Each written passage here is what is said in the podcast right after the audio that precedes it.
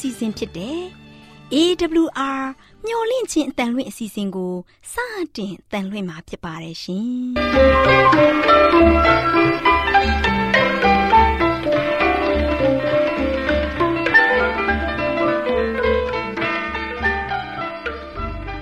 တော်တာရှင်များခင်ဗျာမျော်လင့်ခြင်းအတန်မြန်မာအစီအစဉ်ကိုနက်နက်6နိုင်မိနစ်30မှ9နာရီအထိ16မီတာ kHz 10653ညညပိုင်း9နာရီမှ9နာရီမိနစ်30အထိ16မီတာ kHz 19533ညမှ နေ့စဉ်အတန်လှွင့်ပေးနေပါတယ်ခင်ဗျာ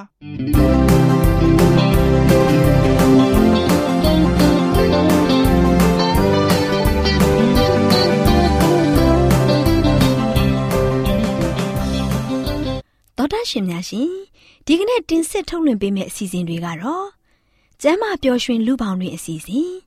တရားဒေသနာအစီအစဉ်အထွေထွေဘုဒ္ဓအစီအစဉ်တို့ဖြစ်ပါတယ်ရှင်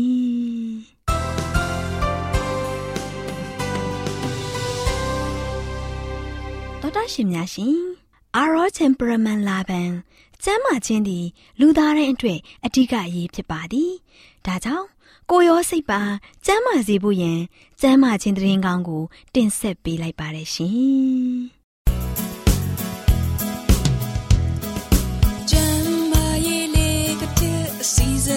ရှင်ပြေလိုက်လျှောက်တမဲ့ထိန်သိမ်းစို့ွယ်တို့ခန္ဓာကိုယ်ကိုမျော်လင့်ခြင်းတန်တော်တရှင်များကိုမင်္ဂလာရှိတဲ့နေ့ရက်လေးဖြစ်ပါစေလို့နှုတ်ခွန်းဆက်သလိုက်ပါတယ်တောတရှင်များရှင်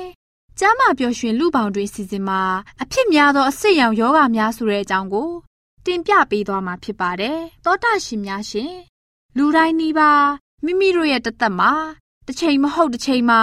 အဆစ်မြစ်တွေရောင်ရမ်းကြိုက်ခဲမှုဝေဒနာကို ဖြစ်ပူကြပါလိမ့်မယ်။တချို့သူတွေရဲ့ဝေဒနာအတိုင်းတာကခဏသာဖြစ်ပြီးတချို့သူတွေကနှစ်နဲ့ချီပြီးကြပါတယ်။ယာယီအဆစ်ရောင်မှုကနေအဆစ်တွေခိုင်တာ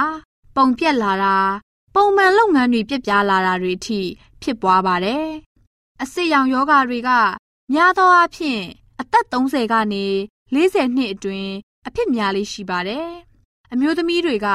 အမျိုးသားတွေထက်အဖြစ်များတာကိုတွေ့ရပါတယ်။မြန်မာပြည်မှာအဖြစ်များတဲ့အစစ်ရောင်ယောဂတွေက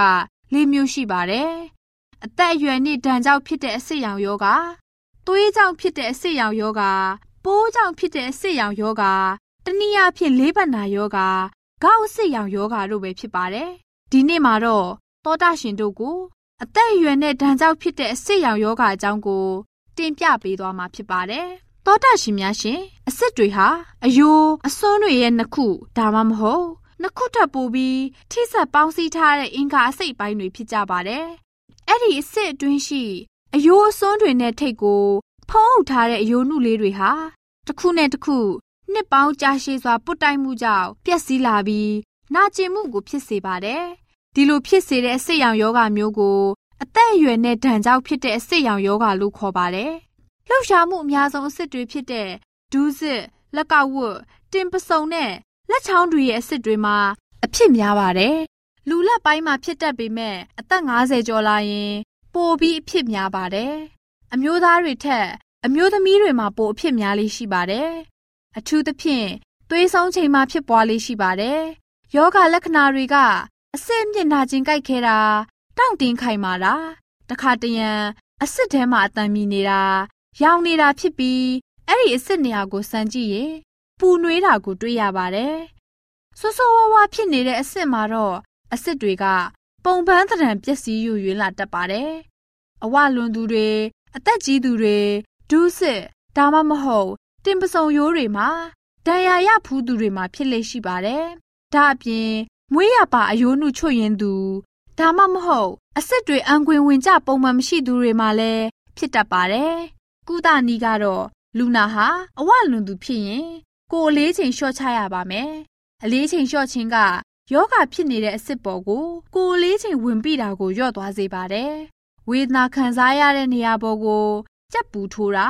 အပူပေးပြီးအုပ်ဆောင်တင်ပေးတာတွေကိုပြုလုပ်ပေးရပါမယ်။တကယ်လို့လက်ချောင်းလေးတွေမှာဖြစ်ရင်လက်ကိုရေခတ်နွေ့နွေ့ထဲမှာ၄မိနစ်လောက်စိမ်ပေးတာဒါမှမဟုတ်အပူနဲ့အေးထဲမှာတလဲစီစိမ်ပေးတာ တတစ်ချိန်မှာ15မိနစ်နာပြီးပြုလုပ်ပေးရပါမယ်။ရင်နွေးထဲမှာမစိန်ချင်တဲ့သူတွေအနေနဲ့ရေအေးထဲမှာ1မိနစ်စိန်ပေးနိုင်ပါတယ်။တစ်နှစ်မှာ2ကြိမ်သို့မဟုတ်3ကြိမ်ပြုလုပ်ရပါမယ်။ဆရာဝန်ညွှန်ကြားချက်နဲ့အနာသက်သာဖို့အကိုက်ခဲပျောက်စေးကိုတောက်ရန်လိုပါတယ်။အသက်အရွယ်ရသူတွေအနေနဲ့ဒီယောဂါကိုဂရုပြုသင့်ပါတယ်။အကစားသမားတွေနဲ့ကာယဝန်ထမ်းတွေအနေနဲ့ဒီယောဂအကြောင်းကို နားလည်သဘောပေါက်ထားသင့်ပါတယ်။သောတာရှင်တို့အနေနဲ့ အယိုးစစ်တွေပေါ်မှာပြင်းထန်တဲ့ဒဏ်ရာဒဏ်ချက်တွေမတက်ရောက်ရလေအောင်အထူးဂရုပြုကြပါစို့။သောတာရှင်များအားလုံးကျမ်းမာဒုက္ခအဖျားဖျားနဲ့ပြည့်စုံကြပါစေလို့ဆုတောင်းပေးလိုက်ပါတယ်ရှင်။ပြည်စုံဖို့သင်ကိုယ်တိုင်ဆောင်ရှောက်ရမှာသင်ခန္ဓာကိုယ်သေးချာယူဆိုင်ပါတော်တာရှင်များရှင်တရားဒေသနာတော်ကိုဆရာဦးတင်မောင်ဆန်းမှဟောကြားဝင်ငါပေးมาဖြစ်ပါတယ်ရှင်။နာတော်တာစီရင်ခွန်အားယူကြပါစို့။ ချစ်တော်မိတ်ဆွေများမင်္ဂလာပေါင်းနဲ့ပြေဝဆုံနေကြပါစေလို့ရှေးဥစွာနှုတ်ခွန်းဆက်တတ်ကြပါတယ်။ဒါကြောင့်ယခုချိန်ကမှလို့ရှိရင်မျော်လင့်ခြင်းဓမ္မဒေသနာရဲ့ကြားနာရမယ့်သတင်းစကားကတော့ကောင်းကင်ဘုံတကယ်တမ်းရှိမှလား။ချစ်တော်မိတ်ဆွေတို့ယနေ့မိတ်ဆွေတို့ကြားမှာဆိုလို့ရှိရင်ကောင်းကင်ဘုံနဲ့ပတ်သက်ပြီးတော့ယုံမှားတန်တရားတွေရှိနေကြတယ်။တကယ်များဟုတ်ပါမလား။ယုံတန်းစကားတွေများလား။ချစ်တော်မိတ်ဆွေတို့ဖရားရဲ့နိုင်ငံတော်တန်တရားများနဲ့ ယုံမှားခြင်းတွေနဲ့ကျွန်တော်တို့စိတ်ကူးရင်ဖို့မဟုတ်ဘူးဖယားရှင်ကိုယ်တိုင်ကကျွန်တော်တို့အတွက်အခမဲ့တိဆောက်ပေးထားတဲ့မြို့တော်ဖြစ်ပါတယ်ယုံနှန်းစကားလို့ထင်မှတ်ပြီးတော့ဖယားအားတန်တရားရှိတဲ့လူများအတွက်ကတော့တမန်ကျမ်းစာကဘလို့ပြောထားတဲ့ဆိုရင်ဗျာဒိတ်ကြံခိုင်း21အငယ်၈မှာဆိုလို့ရှိရင်တွေ့ရပါတယ်တောင်းယွန်းတတ်သောသူမယုံကြည်သောသူဆက်ဆုပ်ယွန်းရှာပွေသောသူလူအသက်ကိုတတ်သောသူ မတရားသောမေထုံ၌မိဝဲသောသူတစ္ဆာပြတ်သောသူအပေါင်းတို့အားဒုတိယသေခြင်းတည်းဟုသော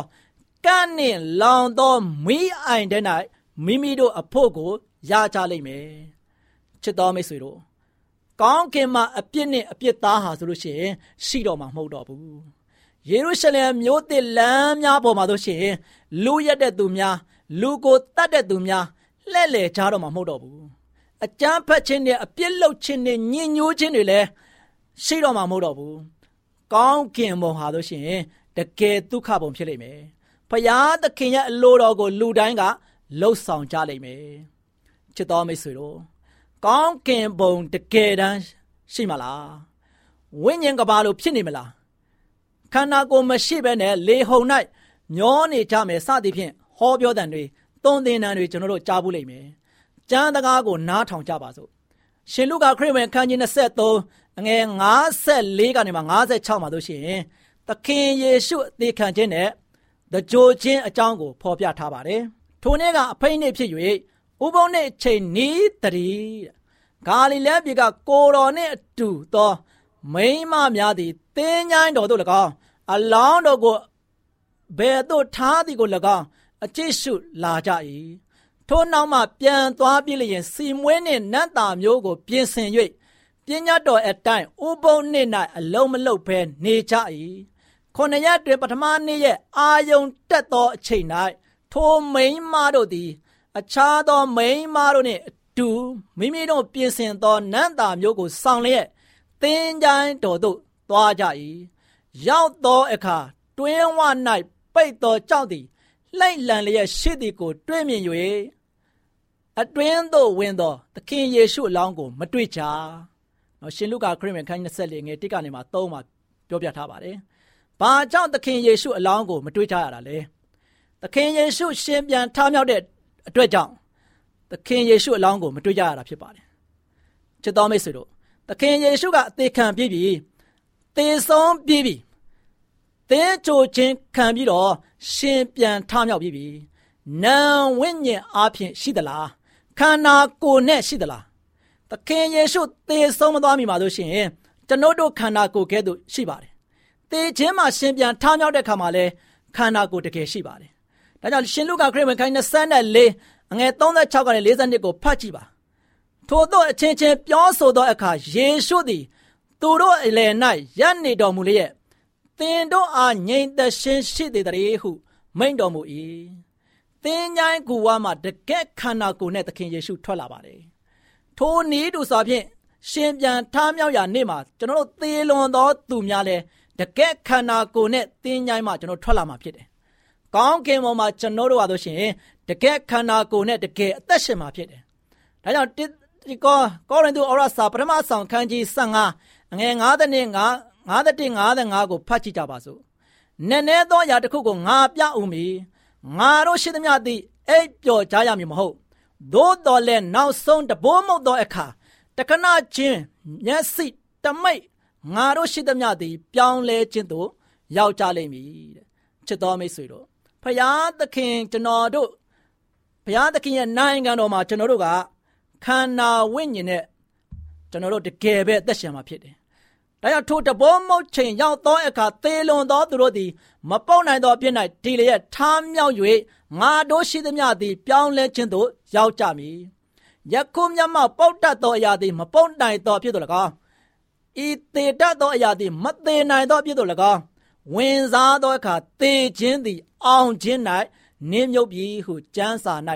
လာချက်ပြည့်စုံလိမ့်မည်။အိုးသေမင်းသင်ဤသင်ဤလက်နက်သည်အဘယ်မှာရှိသနည်း။ အိုးမရနိုင်ငံသင်ဤအောင်မြင်ခြင်းသည်အဘယ်မှာရှိသနည်း။သခင်ယေရှုကျွန်တော်တို့ရဲ့ခန္ဓာကိုယ်ကိုတခဏမျက်စိတမိုက်တွင်မှာဆိုရှင်ပြောင်းလဲပေးလိမ့်မယ်။သေနိုင်ပုတ်နိုင်ဆွဲနိုင်တဲ့ကျွန်တော်တို့ရဲ့ခန္ဓာကိုယ်အားဆိုရှင်သခင်ယေရှုရဲ့ခန္ဓာကိုယ်ကဲ့သို့ထာဝရတည်ရှိတဲ့ခန္ဓာဖြစ်လာမယ်။ယနေ့မှာဆိုရှင်ကောင်းကင်ဘုံမှာဆိုရှင်ခန္ဓာကိုယ်နဲ့သခင်ယေရှုသက်ရှင်နေပါတယ်။ဒုတိယအကြိမ်ပြန်လဲကြွလာတဲ့အခါမှာလဲ ခန္ဓာဒီခန္ဓာကိုယ်နဲ့ပဲကျွန်တော်တို့ဒီကိုကြွလာမှာဖြစ်တယ်။ဒါကြောင့်သင်နဲ့ကျွန်တော်တို့အတွက်သခင်ယေရှုဟာဆိုရှင်နေရာပြင်ဆင်ထားပေးပါတယ်။အဲ့ဒီနေရာကတော့ကောင်းကင်ဘုံမှာဖြစ်တယ်။ကောင်းကင်ဘုံတကယ်တမ်းရှိပါတယ်။တကယ်ရှိတဲ့ကောင်းကင်ဘုံကိုရောက်ရှိဖို့ရန်အတွက်ဖယားရှင်ဘက်မှာကျွန်တော်သစ္စာရှိကြပါစို့အားလုံးကောင်းကင်နိုင်ငံတော်ရဲ့စုကျေးစုကိုခံစားရကြပါစေလို့လည်းဆုတောင်းဆန္ဒပြုချင်ပါတယ် အားလုံးဖယားရဲ့ကောင်းမြတ်ခြင်းနဲ့တူကျွန်တော်တို့ဖယားပေးတဲ့ကောင်းကင်ဘုံမှာအရောက်တိုင်းဝင်စားကြပါစို့လို့ဝင်စားခြင်းခံစားရပါစေလို့လည်းဆုတောင်းဆန္ဒပြုရင်းနဲ့နေကုန်းချုပ်ပါတယ်အားလုံးပေါ်ဖယားကောင်းကြီးချပေးပါစေ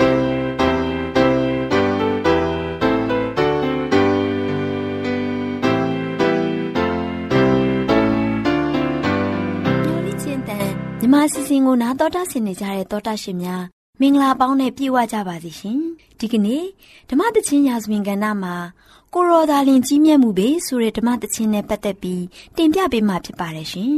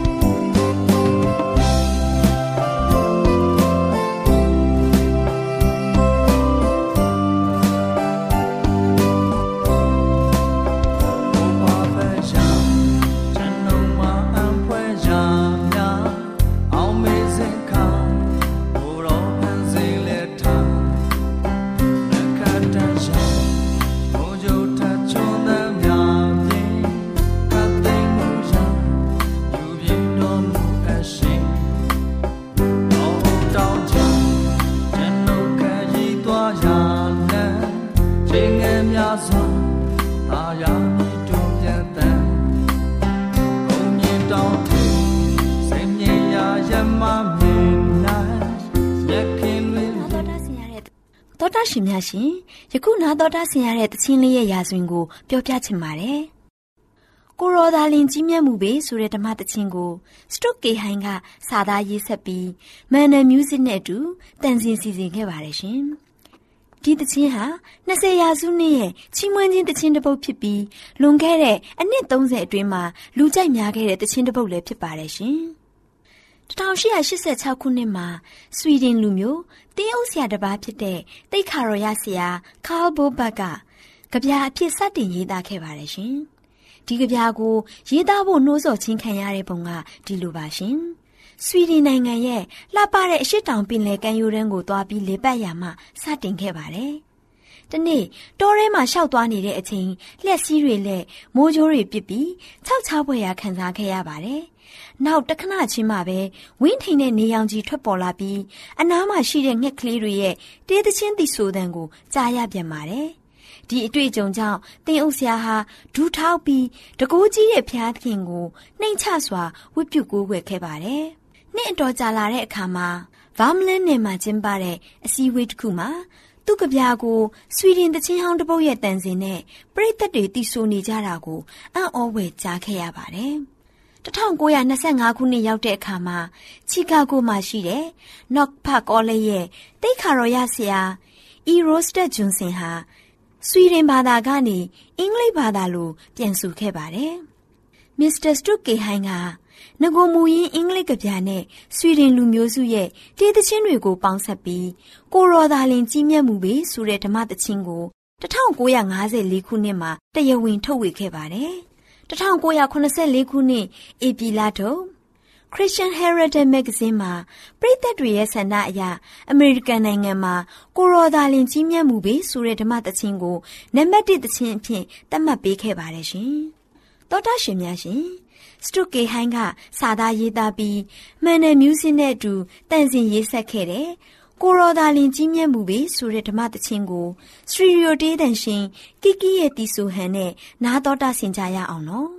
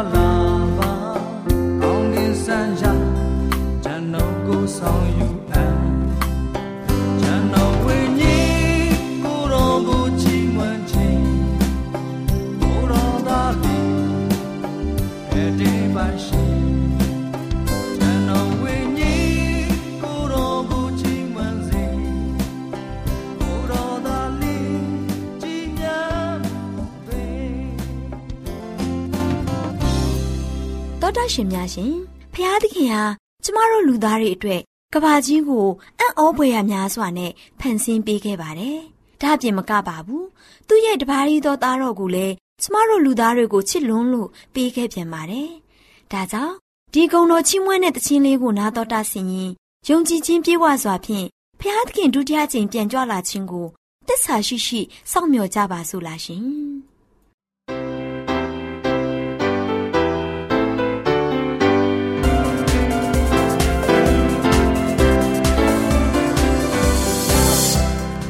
လင့်ခြင်းတန်သောသားရှင်များကိုတာယာပျော်ရွှင်မဲ့ကောင်းတဲ့နေ့ရက်လေးဖြစ်ပါစေလို့နှုတ်ခွန်းဆက်သလိုက်ပါတယ်။သောသားရှင်များရှင်စကားပရိသတ်မင်္ဂလာအစီအစဉ်မှာတစ္ဆာရှိသောဆရာများကိုပံ့ပိုးပေးကြပါဆိုတဲ့အကြောင်းကိုတင်ပြပေးသွားမှာဖြစ်ပါတယ်။သောသားရှင်များရှင်တချို့တော့မိဘတွေဟာသားသမီးလေးတွေကိုကောင်းမွန်စွာစောင့်ရှောက်ရတဲ့တာဝန်ကမိမိတို့ရဲ့တာဝန်မဟုတ်ဘူးလို့ထင်မှတ်ကြပါတယ်။မိမိတို့ရဲ့သားသမီးလေးတွေကိုတခါမှစုံမပဲ့ပင်မှုမရှိတဲ့မိဘတွေဟာ ကျောင်းမှာသားသမီးလေးတွေကိုစုံမအဖြစ်ပေးတဲ့အခါ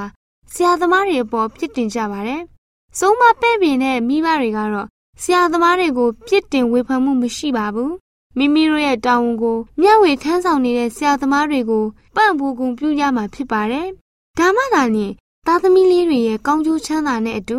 ကျောင်းရဲ့မှန်ကန်တဲ့လှုပ်ဆောင်မှုနှစ်ခုစလုံးကိုအကောင့်ထဲဖော်နိုင်မယ်ဆိုတာ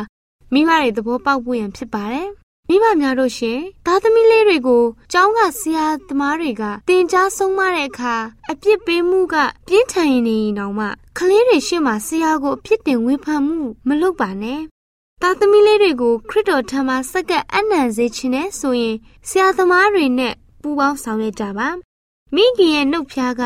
ဆရာရဲ့လှုပ်ဆောင်မှုတွေအတွက်ချီးမွမ်းစကားပြောနေတာကိုသားသမီးလေးတွေကြားပါစေ။ ဆရာသမားတွေကိုဝေဖန်စကားပြောတာကိုကြားရတာထက်ချီးမွမ်းစကားကြားရတာကတာလွန်ကောင်းမြတ်လာပါတယ်။အကယ်၍ဆရာကိုမဖြစ်မနေအကြံပြုဝေဖန်ရမယ့်အချိန်ရောက်လာရင်လေ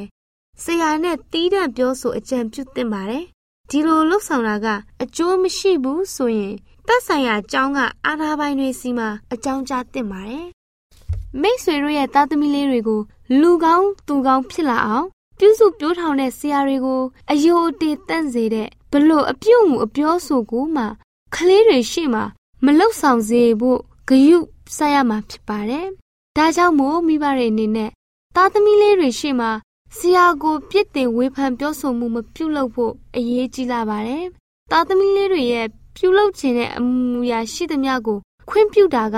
သားသမီးတွေကိုချစ်ရမရောက်ပါဘူး။သူတို့လေးတွေကိုရက်ဆက်စွာပြုမှုနေတာပဲဖြစ်ပါတယ်။ ဒါကြောင့်သားသမီးလေးတွေဟာအသက်အရွယ်ကြီးလာတဲ့အမျှမနာခံအာခံတတ်တဲ့စိတ်ထားလေးတွေကကြီးထွားလာတတ်ပါတယ်။တော်သားရှင်မိဘတွေအနေနဲ့သားသမီးလေးတွေကိုအာခံတတ်တဲ့စိတ်သဘောကိုအိမ်မှာအစာပြုတ်ခြင်းမရှိစေဘဲ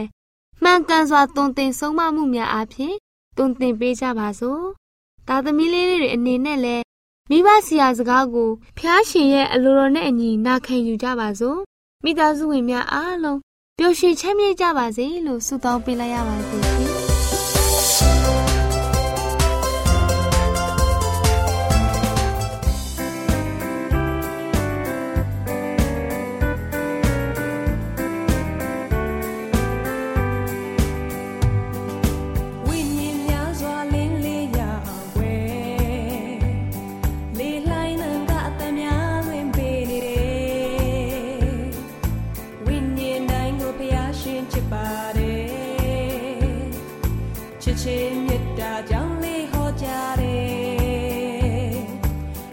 you could.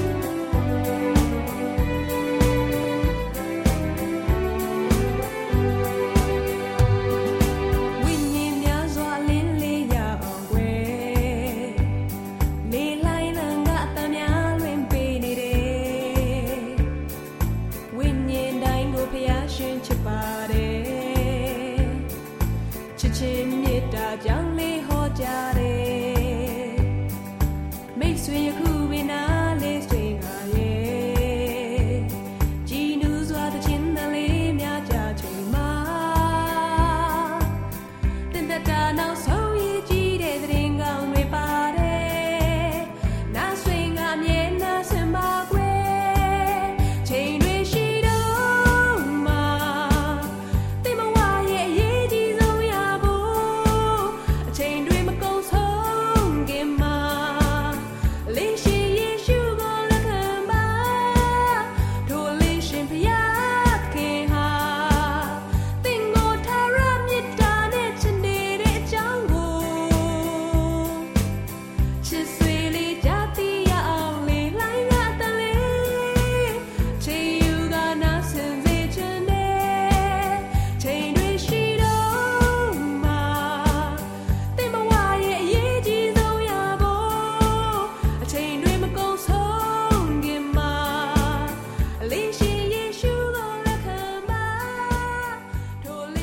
ရှင်။တာရှင်များရှင်ကျမတို့ရဲ့ဗျာဒိတ်တော်စပေးစာယူသင်တန်းဌာနမှာ အောက်ပါသင်တန်းများကို ပို့ချပေးလျက်ရှိပါတယ်ရှင်သင်တန်းများမှာစိတ်ဓာတ်ဒုက္ခရှာဖွေခြင်းခရစ်တော်၏အသက်တာနှင့်တုန်သင်ချက်များတဘာဝတရားဤဆရာဝန်ရှိပါကျမ်းမာခြင်းနှင့်အသက်ရှိခြင်းသင်နှင့်သင်ကျမ်းမာရေးရှာဖွေတွေ့ရှိခြင်းလမ်းညွန်သင်ခန်းစာများဖြစ်ပါရဲ့ရှင်သင်တန်းအလုံးဟာအခမဲ့သင်တန်းတွေဖြစ်ပါတယ်ဖြစ်ဆိုပြီးတဲ့သူတိုင်းကို ဂုံပြုလွှာချင်းမြင့်ပေးမှာဖြစ်ပါရဲ့ရှင်တော်တာရှင်များခင်ဗျာဓာတိတော်အတန်းစာပေးစာယူဌာနကိုဆက်သွယ်ခြင်းနဲ့ဆိုရင်တော့ဆက်သွယ်ရမယ့်ဖုန်းနံပါတ်ကတော့39 656 296 336နဲ့39 98 316 694ကိုဆက်သွင်းနိုင်ပါတယ်။ဓာတိတော်အတန်းစာပေးစာဥထာဏာကိုအီးမေးလ်နဲ့ဆက်သွယ်ခြင်းနဲ့ဆိုရင်တော့ l a l r a w n g b a w l a @gmail.com ကိုဆက်သွင်းနိုင်ပါတယ်။ဓာတိတော်အတန်းစာပေးစာဥထာဏာကို Facebook နဲ့ဆက်သွယ်ခြင်းနဲ့ဆိုရင်တော့ S O E S A N D A R Facebook အကောင့်မှာဆက်သွင်းနိုင်ပါတယ်။တော်တာရှင်များရှင်မျောလင့်ချင်းတန်ရေဒီယိုအစီအစဉ်မှာတင်ဆက်ပေးနေတဲ့အကြောင်းအရာတွေကိုပိုမိုသိရှိလိုပါကဆက်သွယ်ရမယ့်ဖုန်းနံပါတ်များကတော့39ကို663 686 826 ဖြစ်ပါတယ်ရှင်။နောက်ထပ်ဖုန်းတစ်လုံးနေနဲ့39ကို6 688 666တို့ဆက်သွယ်မြင်းမြန်းနိုင်ပါတယ်ရှင်။တော်တာရှင်များရှင် KSTA အာကခွန်ကျွန်းမှာ AWR မျိုးလင့်ချင်းအတံမြန်မာအစီအစဉ်များကိုအတံလွှင့်ခဲ့ခြင်းဖြစ်ပါတယ်ရှင်။ AWR မျိုးလင့်ချင်းအတံကိုနာတော်တာဆင် gay ကြတော့တောတာရှင်အရောက်တိုင်းပေါ်မှာဖျားသခင်ရဲ့ကြွယ်ဝစွာသောကောင်းကြီးမင်္ဂလာတက်ရောက်ပါစေ။ကိုစိတ်နှဖျားစမ်းမွှေလန်းကြပါစေ။ ကျေးဇူးတင်ပါတယ်ခင်ဗျာ။